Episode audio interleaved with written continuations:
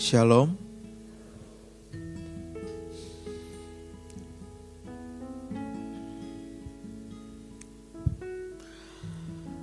Lagu tadi yang kita nyanyikan sebelum pemberitaan firman memiliki satu makna yang dalam, saudara. Memiliki satu makna yang dalam.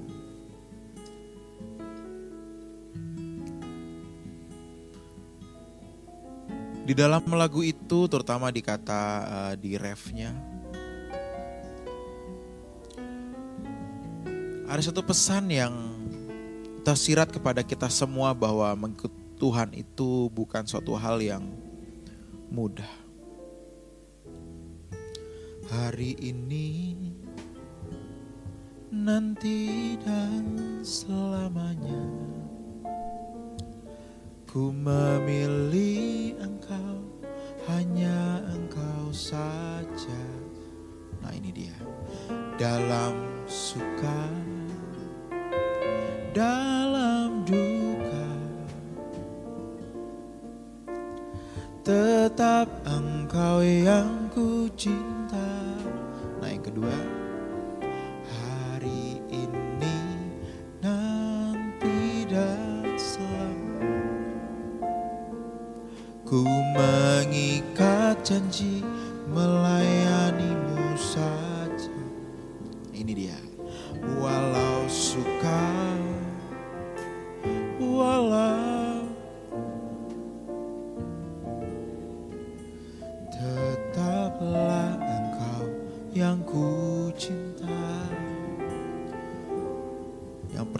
Walau su dalam suka, dalam duka, dan yang kedua ini dikatakan walau sukar, walau berat. Memang saudara, setiap orang itu memiliki perjalanan dengan Tuhan secara personal, masing-masing. Demikian pula setiap pengarang-pengarang lagu dalam mengarang lagunya. Ada perjalanan yang berbeda, saudara. Misalnya lagu-lagu dari Pak Eras, lagu-lagu ini kan lagu Stefani ya. Dari kata-katanya memang tersirat lagu Pak Eras juga perjuangan sebagai seorang pengikut Kristus. Tetapi kalau kita melihat realita saudara, ketika kita membaca Alkitab, kalau kita melihat kisah-kisah para pengikut Kristus saudara, orang-orang yang mau mengabdi kepada Allah. Kita bisa membaca bahwa memang dalam dalam suka, dalam duka, walau berat, walau sukar, itu memang terbukti kok. Memang kita bisa melihat itu dari Alkitab, saudara. Yang dinamakan dengan perjuangan bukanlah sesuatu yang mudah. Sama seperti para pejuang kita dulu untuk bisa merebut kemerdekaan dari tangan penjajah, saudara. Mana ada yang pesta setiap hari sih? Mana ada yang pesta makan-makan besar setiap hari dan tiba-tiba Indonesia merdeka? Pasti ada perjuangan demi perjuangan, saudara. Dan perjuangan itu bukan hanya bisa menghabiskan waktu, tenaga, tetapi juga nyawa. Itulah perjuangan. Tetapi hadiah atau hasil dari perjuangan itu adalah kemerdekaan. Adalah kemerdekaan saudara, di mana hari ini kita bisa, ya bisa hidup seperti hari ini. Namun yang berbeda ketika kita membaca Alkitab adalah perjuangan demi perjuangan yang belum tentu mendapat kemerdekaan di dunia ini. Perjuangan demi perjuangan yang belum tentu mendapat kemerdekaan di dunia ini. Di perjanjian baru, di kehidupan para rasul, saudara. Kalau saudara membaca dari kitab Matius, Markus, Lukas, Yohanes, kisah para rasul. Kita bisa melihat bagaimana mereka berjuang memberitakan Injil, kebenaran. Di tengah-tengah tekanan, ancaman, penjara, kematian. Dari satu kota pindah ke kota lain tetapi mereka sampai akhir tidak menemukan kemerdekaan atau kesenangan dari dunia ini seperti yang orang-orang pada umumnya cari. Mereka tidak mendapatkan itu sampai mati. Kenapa? Karena yang mereka cari memang bukan itu. Kalau kita, kalau um, Indonesia dijajah. Para pejuang kita berjuang agar kita merdeka, lepas dari tangan penjajah untuk negara ini, untuk generasi di kemudian hari, saudara. Tetapi melihat para rasul, cara mereka hidup, mereka mencari satu hal yang mereka tahu mereka tidak dapatkan di dunia ini. Sehingga Petrus bisa mengatakan bagiku hidup adalah Kristus dan mati adalah keuntungan. Mereka sudah berpikir jauh ke depan. Sudah berpikir jauh setelah kematian bahwa yang aku dapatkan itu adalah nanti. Setelah kematian. Dan mereka tahu itu adalah harga sebuah pengiringan. Itu adalah harga untuk mereka berjuang menjadi seorang pengikut Kristus yang sejati, saudara. Itu harganya dan mereka tahu.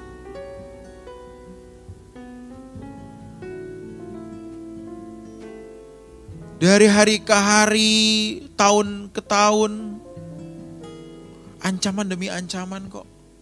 Tetapi hebatnya mereka terus berjalan di situ. Tidak sedikit pun terlintas dalam pikiran mereka bahwa Ya paling tidak sebelum aku mati aku happy deh.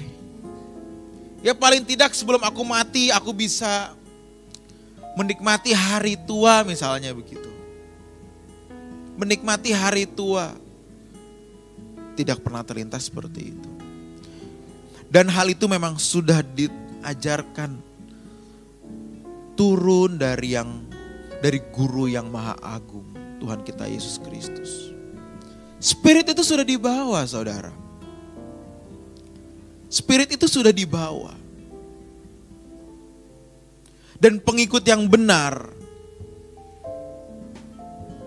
pasti memiliki spirit yang sama dengan gurunya. Pasti. Dan roh kudus yang dikirimkan kepada kita semua lewat Pantai Costa dulu. Itu yang membuat mereka berubah. Mereka jadi dalam tanda kutip ya saudara, menjadi orang gila. Bukan gila secara mental ya saudara ya. Tetapi gila karena tidak normal. Gila karena tidak normal di mata orang. Kenapa sih mereka ini orang-orang ini mau membela, memperkenalkan satu pribadi yang mati seperti penjahat pada umumnya, disalib. Itu kan suatu kejahatan yang berat pada masa itu. Kok mereka membela si penjahat ini? Kan begitu. Tapi mereka nggak peduli. Mereka berjuang, berjuang, dan berjuang saudara. Ya sampai pada akhirnya matinya tidak ada yang normal kok. Memang matinya ada yang dikubur baik-baik, dinyanyikan atau ditiup trompet seperti pejuang. Gak ada. Matinya gak ada yang normal saudara.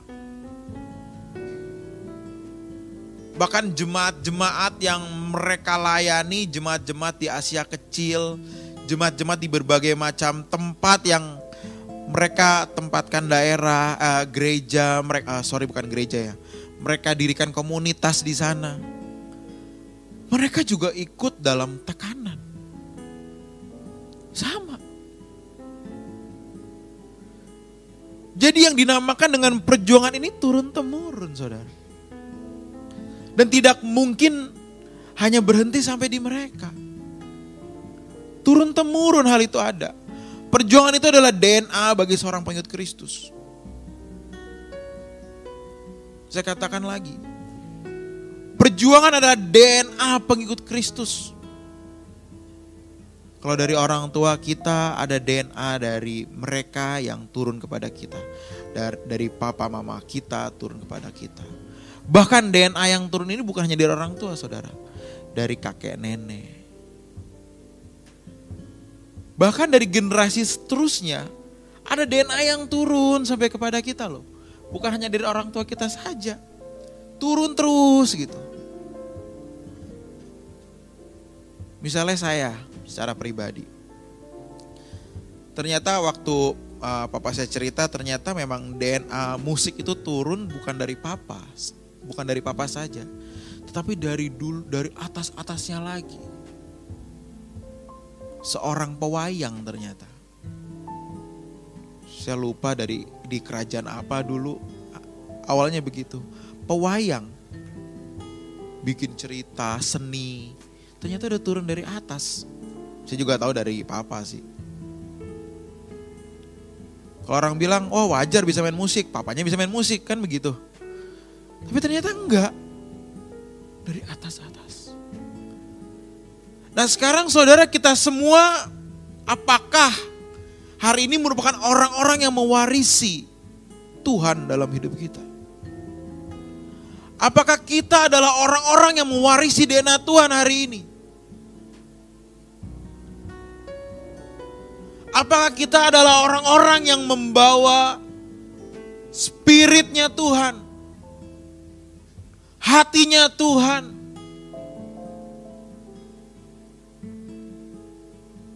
Tidak perlu sampai kita beribadah di goa-goa atau di kuburan.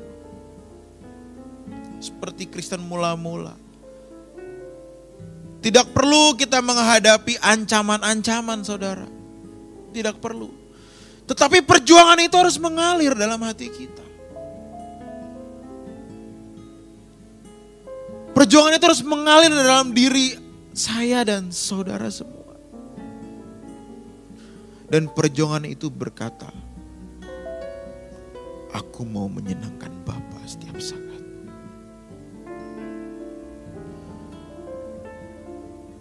Hidupku hanya untuk melakukan kesenangan Bapa.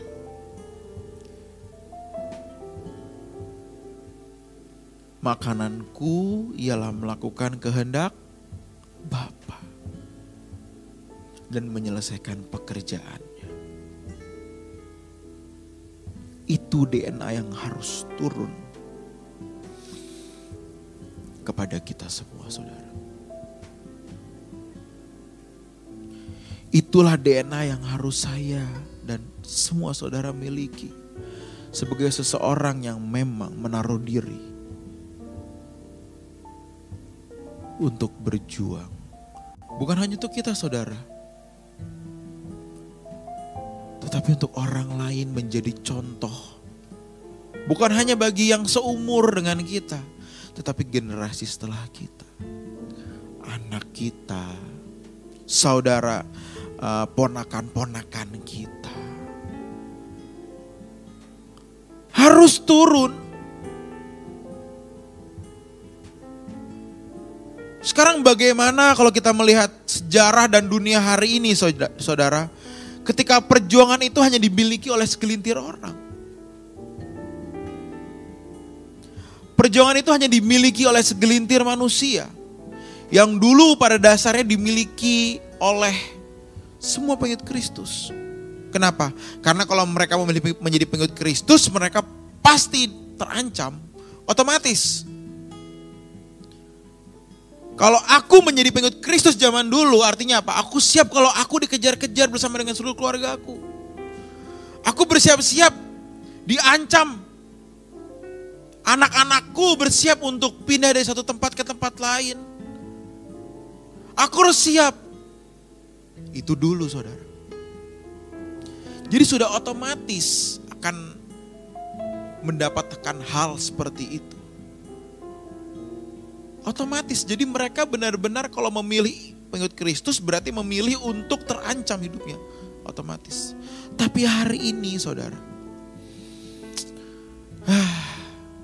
banyak orang Kristen main-main kok. Hari ini banyak orang Kristen main-main.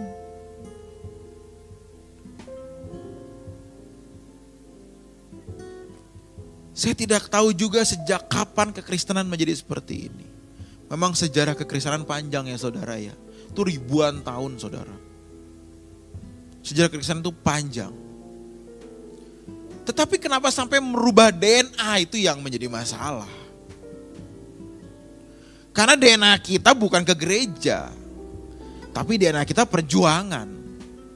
Kalau DNA kita seharusnya pergi ke gereja saja, ya Tuhan udah menunjukkan itu dan Tuhan gak perlu mati di kayu salib saya rasa sih. Kalau cuma demi itu doang ya. Tapi untuk menebus kita, bukan hanya untuk ke gereja saudara. Di mana DNA itu hari ini? DNA seorang pengikut Kristus yang sejati. Nah ini kan jadi pertanyaan buat kita sebenarnya saudara. Ya kita hidup sekian tahun kan. kan kita sudah tidak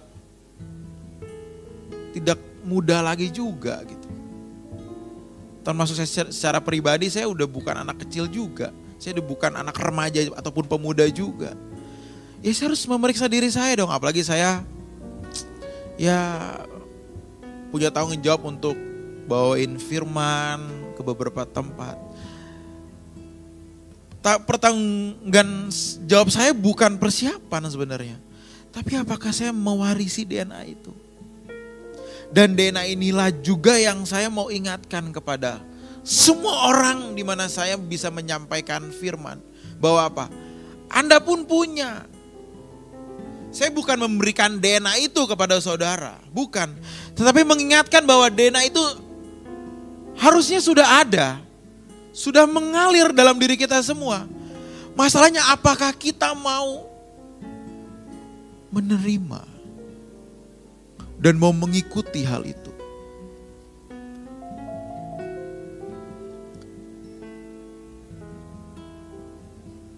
DNA manusia itu memang bisa berubah saudara, secara saintifik. Misalnya, seseorang memiliki keturunan sakit jantung, sakit kanker begitu. Atau diabetes, jadi keturunannya memiliki kemungkinan akan sakit seperti orang tuanya misalnya. Tetapi itu sebenarnya hanya sedikit. Kalau nggak tidak salah hanya maksimal 20%. Kalau tidak salah ya ada angkanya, saya pernah baca juga. Dan itu bisa berubah dari lifestyle. Jadi tidak harus kalau papanya misalnya sakit, misalnya sakit gula diabetes. Anaknya pasti sakit gula juga. Enggak, enggak pasti. Kenapa? Karena lifestyle, gaya hidup itu bisa membuat genetik itu uh, apa ya penyakit kalau kata orang penyakit keturunan itu terputus. Terputus di situ. Jadi tidak perlu berlanjut ke anak, ke generasi selanjutnya lagi ke anak, ke anak yang selanjutnya. Tidak perlu. Nah, kita hidup itu sudah mewarisi satu DNA dari dari para pejuang-pejuang dulu, DNA hidup. Dan ini pasti sudah terputus di beberapa tempat. Kenapa? Karena siapa sih mau berjuang mengikut Kristus? Gak banyak hari ini.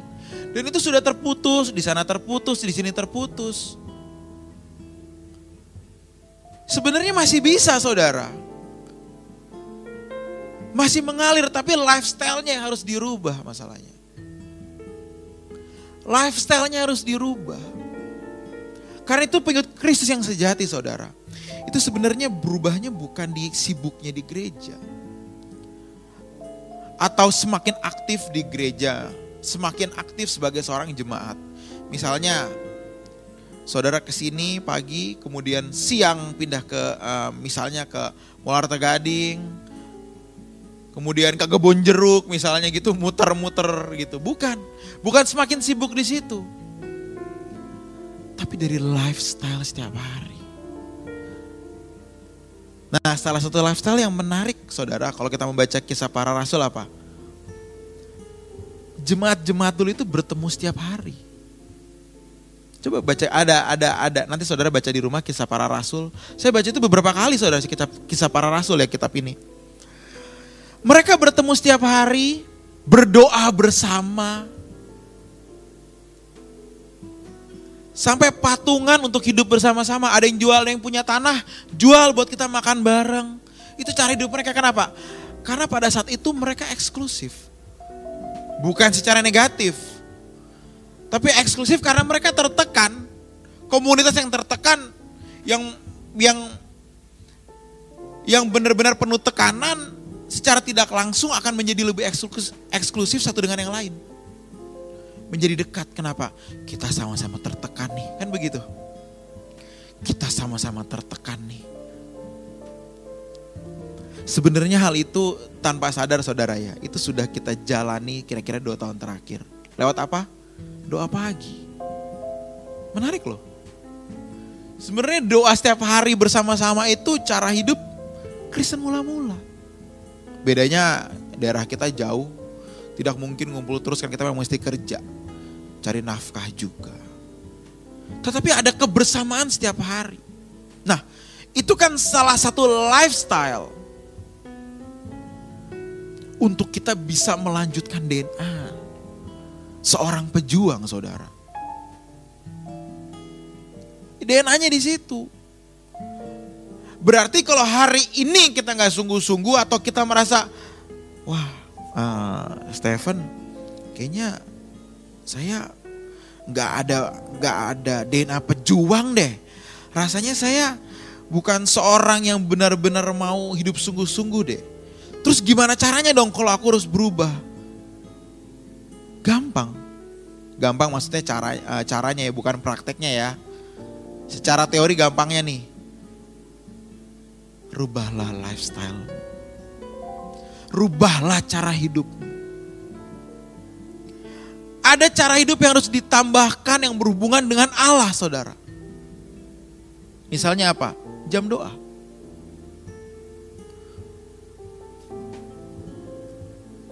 Saya ikut doa pagi bersama dengan Bapak Gembala Senior PRS itu juga bukan dari awal-awal. Anak muda, tidurnya malam banget, bangunnya siang. Jadi begitu Pak Eras mulai doa-doa pagi sih juga bukan orang ikut dari awal saudara. Aduh ini bangun jam 5 lagi. Biasa jam setengah 8, paling gak jam 7, di jam 5 lagi. Berat loh, awal-awal tuh gak mudah. Terus saya bisa membela diri saya, tar doa malam. Biasanya kan satu teduh saya malam, jam 10 gitu Ntar deh satu dua malam aja. Sama aja kan sama-sama berdoa juga, begitu mikirnya. Sama-sama berdoa juga kok, saya mikir begitu. Tetapi ketika saya mempertahankan satu cara hidup yang berhubungan dengan Allah dan tetap konstan seperti itu, berdoa setiap malam saja, um, 15 menit sampai setengah jam, jam 10 malam, oke. Tanpa kita menambahkan kebiasaan baru, Percayalah, kekristenan kita kan begitu-begitu aja. Coba buktiin. Akan mentok nanti. Kenapa?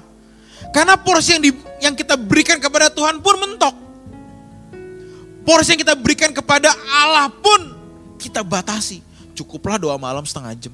Nah coba tuh lihat. Coba orang, -orang seperti itu. Tidak mungkin bertumbuh. Kenapa? Karena itu saya dulu. Saya tahu. Ini baru satu hal ya tentang doa loh. Ini belum banyak hal lain baca Alkitab lah, jaga mulut lah. Sama. Harus ditambahkan, ditambahkan, ditambahkan terus. Akhirnya saya mulai ikut doa pagi, mulai ikut doa pagi terus, ikut doa pagi, ikut doa pagi. Saya mulai melihat ada yang lebih berubah nih. Saya mulai tambah lagi, misalnya lagi olahraga pagi, jalan kaki pagi-pagi atau di kendaraan. Saya dengar audio Bible, Alkitab yang um, audio dibacain. Jadi saya sembari bawa mobil atau lagi jalan pagi pakai uh, headset, earphone, dengerinnya Ayub 1 ayat ke 1 baca. Enak juga sebenarnya begitu loh. Enak juga sebenarnya. Matius 1 ayat 2. Kemudian berkatalah Kristus Yesus kepada mereka. Menarik juga saudara. Saya dengerin terus, saya dengerin terus. Saya melihat mulai ada yang berubah. Kenapa? Saya jadi sadar ada porsi yang ditambahkan untuk Allah.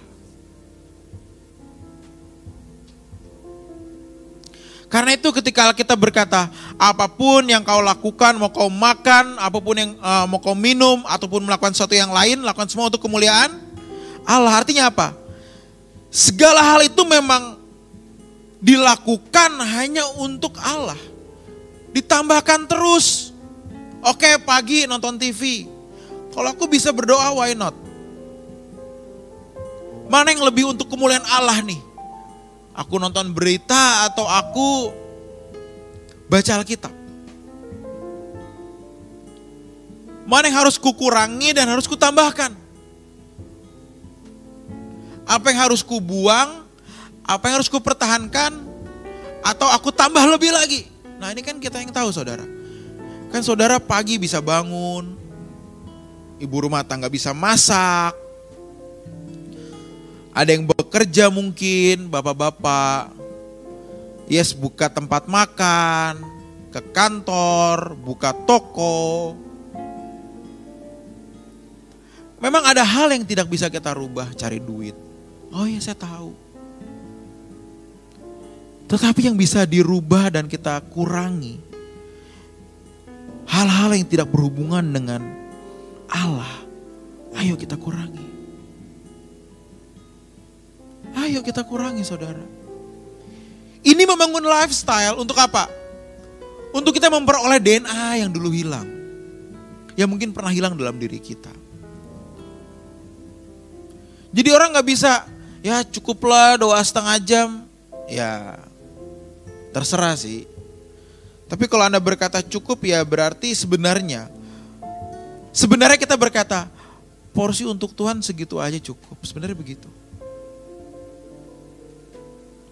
Ya cukuplah baca Alkitab satu hari tiga pasal begitu. Kan saya masih sibuk kerja. Kan saya mesti cari duit untuk keluarga. Sebenarnya kita berkata, ya buat Tuhan segitu aja. Sisanya untuk keluarga aku. Sebenarnya kita mau ngomong begitu kok. Tapi kita nggak berani bahwa menyebut Tuhan seperti itu. Kita hanya membatasi apa yang kita lakukan untuk dia. Ini yang membuat orang Kristen gak berubah saudara. Di saat kita membatasi hubungan kita dengan Tuhan, di saat kita membatasi cara hidup lifestyle yang harusnya kita tambahkan untuk Tuhan, di sisi lain dunia memberikan lifestyle-lifestyle lain terus.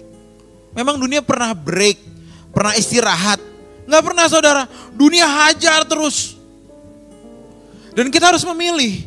Aku mau aku mau menambahkan hal yang berhubungan dengan Allah. Atau aku mau menambahkan hal yang berhubungan dengan iblis. Dan otomatis kalau kita memilih mengurangi atau membatasi cara hidup yang berhubungan dengan Allah, artinya secara otomatis kita menambah yang di sini. Otomatis. Alkitab berkata seseorang tidak bisa mengabdi kepada dua Tuhan. Karena dia akan mengasihi yang lain dan membenci yang lain. Mengasihi dan membenci loh. Tidak ada perkataan karena dia akan mengasihi dua-duanya secara rata. Nggak ada. Atau dia membenci dua-duanya secara rata. Nggak ada saudara. Mengasihi yang satu, membenci yang lain. Nggak ada dua Tuhan di sini. Jadi pengabdian kita kalau kita batasi di sini, arti kita bersedia untuk ditambah oleh iblis di sini. Ini yang membuat DNA kita sebagai seorang pejuang itu luntur, luntur, luntur, luntur, habis. Sampai kira kita tidak terpikir, kita tidak bisa, kita pun bingung, kok aku jadi malas berdoa ya? Pernah nggak? Kok tiba-tiba malas baca Alkitab? Kok bukan tiba-tiba ya? Kita sadarnya hari itu sebenarnya ini sudah berjalan udah tiga bulan sebenarnya. Malas demi malas demi malas. Malas satu ke malas yang lainnya. Terus tiba-tiba di gereja diingatkan, misalnya hari ini ya, saudara nanti jangan lupa saat teduh ya malam, misalnya begitu. Coba nanti malam di rumah. Aduh, kok males ya. Kok tiba-tiba males. Gak ada yang tiba-tiba Bapak Ibu. Semua itu sudah disetting, sudah kita memang setting dari dulu untuk kita jadi males. Kita yang menyeting diri kita. Aduh kok tiba-tiba baca Alkitab jadi nggak mood ya. Enggak, memang dari dulu nggak ada moodnya. Memang nggak ada moodnya saudara. Jangan sampai kita salah mengisi cara hidup kita. Menyeramkannya itu tadi saudara. Kalau kita membatasi yang di sini, yang serem itu otomatis akan menambah yang di sini. Dunia nggak pernah istirahat kok. Sosial media lah, Facebook deh. Ya kan kalau orang tua biasanya suka buka Facebook kan. Buka Facebook, komen-komen. Belum grup-grup chat WA. Semangat pagi, semangat pagi. Gitu kan ya. Apalagi ini kan lagi lagi apa? Uh, kongsi facai. Coba deh, ada yang WA kita nggak? Pasti. Kongsi facai. Oh saya juga ngucapin ya Bapak Ibu Saudara. Kongsi facai, kongsi facai. Boleh ya Pak David ya? Boleh ya. Tapi memang saya udah dengar artinya itu. Semua arti itu cepat kaya kan. Semoga kau menjadi kaya begitu. Ya kita kaya akan firman gak apa-apa. Di grup WA segala macam. Semua Facebook, buka sosial media. Ya pengaruh apa sih bisa diberikan di sana? Aku buka Facebook untuk semakin mencintai Tuhan. Yakin, yang ada lihat orang debat. Yang ada lihat orang ngomongin orang lain. Kan jempol lebih cepat bergerak dibanding lidah kan. Kalau dulu lidah kan enteng ya, sekarang enggak jempol. Kadang kita bisa ngomong apa nggak mikir, tulis aja. Kenapa? Yang ada resikonya kok. Kan udah biasa dong, netizen, netizen bahasanya kan netizen, netizen sebenarnya. Netizen, netizen. Netizen, netizen negara kita tuh jago loh. Kalau kita direndahkan negara mana ya, itu diserang habis langsung. Wah ratusan ribu orang serang satu siapa gitu loh. Kita direndahkan dari apa ya misalnya dulu. Ya, Oh dulu batik milik Malaysia ya? Oh batik ya, batik baju milik Malaysia ya? Rendang. Atau kalau nggak salah gitu-gitu ya?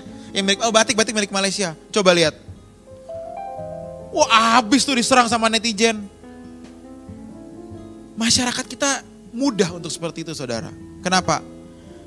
Karena yang berpikir gak ada resikonya ngomong begitu. Sekarang yang ngomong 100 ribu, memang 100 ribu mau dipenjara.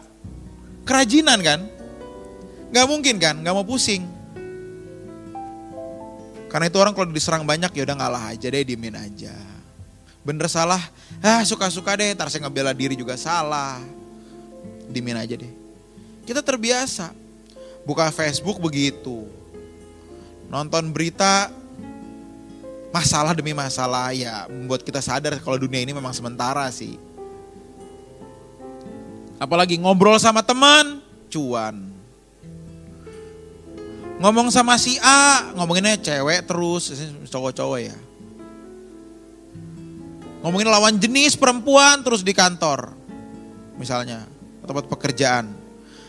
Ngomong sesama ibu-ibu, ngomongin tetangga. Ngumpul ibu-ibu rumah, ngomonginnya selalu ayo kita masak bareng-bareng yuk. Ayo kita bikin acara yuk, kumpul-kumpul. Ngomong sama teman lama reunian terus. Coba deh. Sedikit loh yang ketika kita ngobrol sama dia ngomongin, gimana ya kita makin kudus? Coba.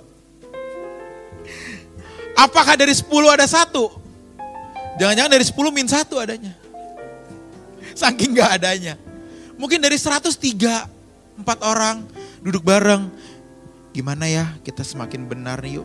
Kita bertumbuh dalam Tuhan, coba. Dunia men-setting kita saudara. Agar kita kehilangan DNA seorang pengikut Kristus yang sesungguhnya. Itu kerjanya iblis tanpa membuat kita pindah agama. Tanpa membuat Anda dan saya harus pindah agama, nggak perlu, tetap aja Kristen. Tapi DNA-nya nggak usah punya. Tetap aja beribadah, nyanyi, memuji Tuhan, tetapi DNA-nya nggak perlu punya. Padahal ke gereja nyanyi itu bukan DNA yang sesungguhnya yang Tuhan bawa. Ini hanya sebagian kecil dari yang namanya agama.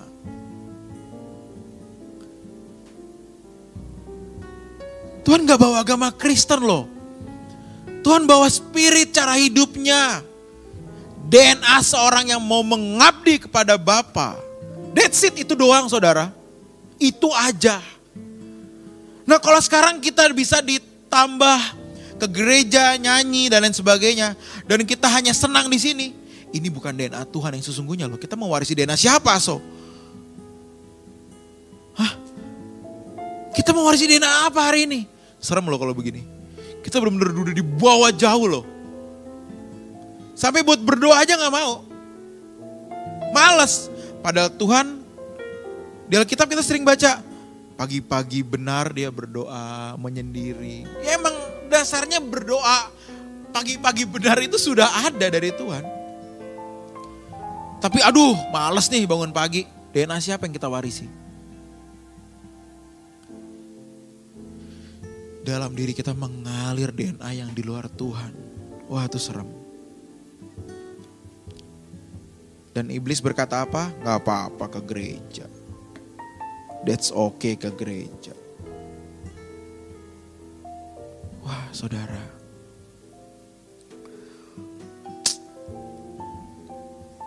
Ayo kita balik yuk. Sekarang sungguh-sungguh ikut Tuhan itu apa ruginya?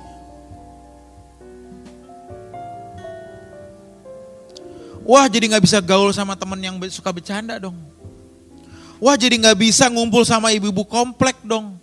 Saya di rumah sendirian aja, suami pergi kerja, anak sekolah, saya di rumah sendirian. Masa nggak boleh ngumpul-ngumpul? Ya kalau pikiran kita begitu ya saudara. Kalau para pejuang kita dulu berpikir seperti itu tidak akan ada kemerdekaan Indonesia hari ini. Aduh ngapain berjuang bawa bambu runcing mendingan mendingan kita ah, ngumpul-ngumpul keluarga aja, ngumpul sama tetangga, kita ketawa-ketawa. Gak mungkin hari ini ada kemerdekaan saudara. Gak mungkin. Kalau Kristen mula-mula berkata, udahlah ngapain dikejar-kejar sih sama tentara Romawi, sama orang Yahudi. Anak bisa dibunuh, istri bisa dibunuh. Udahlah kita, mendingan kita udah kita keluar aja dari komunitas pengikut Kristus ini. Kita ikut Yahudi atau kita ikut kita ikut agama kita ikut Romawi deh misalnya begitu hari ini kita nggak ada saudara hari ini kita nggak ada ayo saudara yuk kita kembali sekali lagi saudara DNA itu sudah Anda dan saya miliki di dalam diri kita, di dalam darah kita sudah mengalir DNA perjuangan. Sekarang tugas kita, tugas saudara dan saya apa? Menghidupkan lagi. Menghidupkan lagi DNA itu. Tidak masalah mau saudara umur berapapun. Saya udah umur 60 nih Stephen, tante udah umur 60, om udah umur 70. Kayaknya DNA-nya udah busuk deh. Enggak, enggak ada. Saya udah umur uh, 50-an nih Stephen. Kayaknya DNA-nya udah mati deh. Nggak ada, nggak. Masih ada. Karena kalau sudah tidak ada DNA itu lagi, Anda tidak mungkin duduk di sini. Amin. Amin.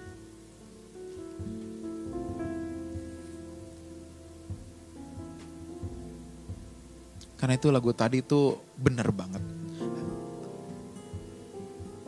Hari ini nanti dan selamanya ku mengik hanya engkau saja dalam suka dalam duka. Tetap engkau yang ku cinta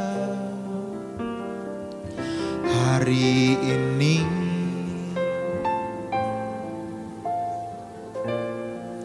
hari ini nanti selamanya kat janji melayanimu saja.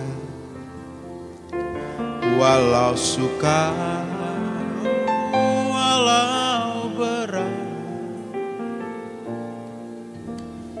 tetaplah engkau yang ku cinta Sebelum saya mengakhiri um, firman pagi hari ini saudara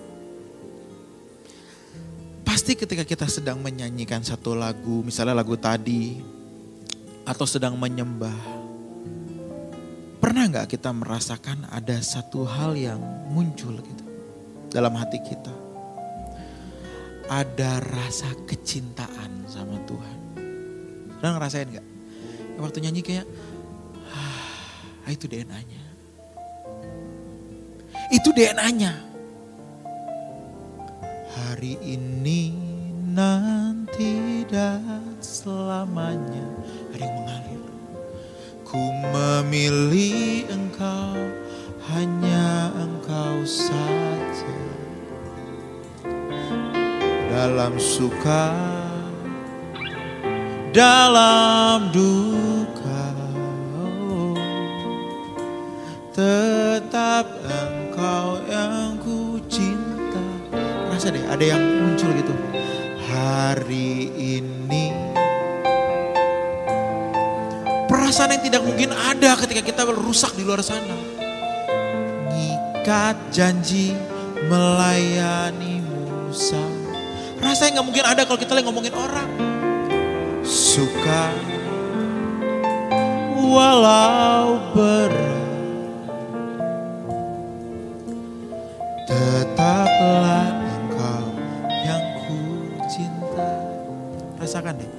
ada yang rasa yang muncul yang tidak mungkin ada yang tidak mungkin keluar ketika kita lagi berbuat salah betul ya ketika kita lagi ngomongin orang, ketika kita lagi ngomongin yang hal yang jorok, yang kotor, yang najis. Ketika kita lagi malas berdoa, tidak ada yang mengalir. Rasa itu tidak ada. Tetapi ketika kita membawa diri kita kepada Tuhan dan berkata, aku mau sungguh-sungguh mengasihi Engkau Tuhan. Ada yang mengalir di situ. Apa? Itulah DNA yang benar. Masih ada kan? Masih ada. Dan mulai hari ini saudara, mari kita hidupkan DNA itu lagi. Amin. Kita hidupkan itu lagi. Saya yakin saudara bisa, jauh lebih bisa, lebih bisa kudus, benar mengasihi Tuhan. Lebih dari hari ini, saya yakin. Kenapa? Karena Tuhan membawa saya ke sini untuk berbicara kepada orang-orang yang bisa mencintai dia. Dan itu adalah saudara semua. Jangan pernah memandang diri kita. Aku udah tua, aku gak bisa, aku rusak. No, kita punya DNA itu. Dan pagi hari ini, ayo kita kembangkan, kita hidupkan lagi.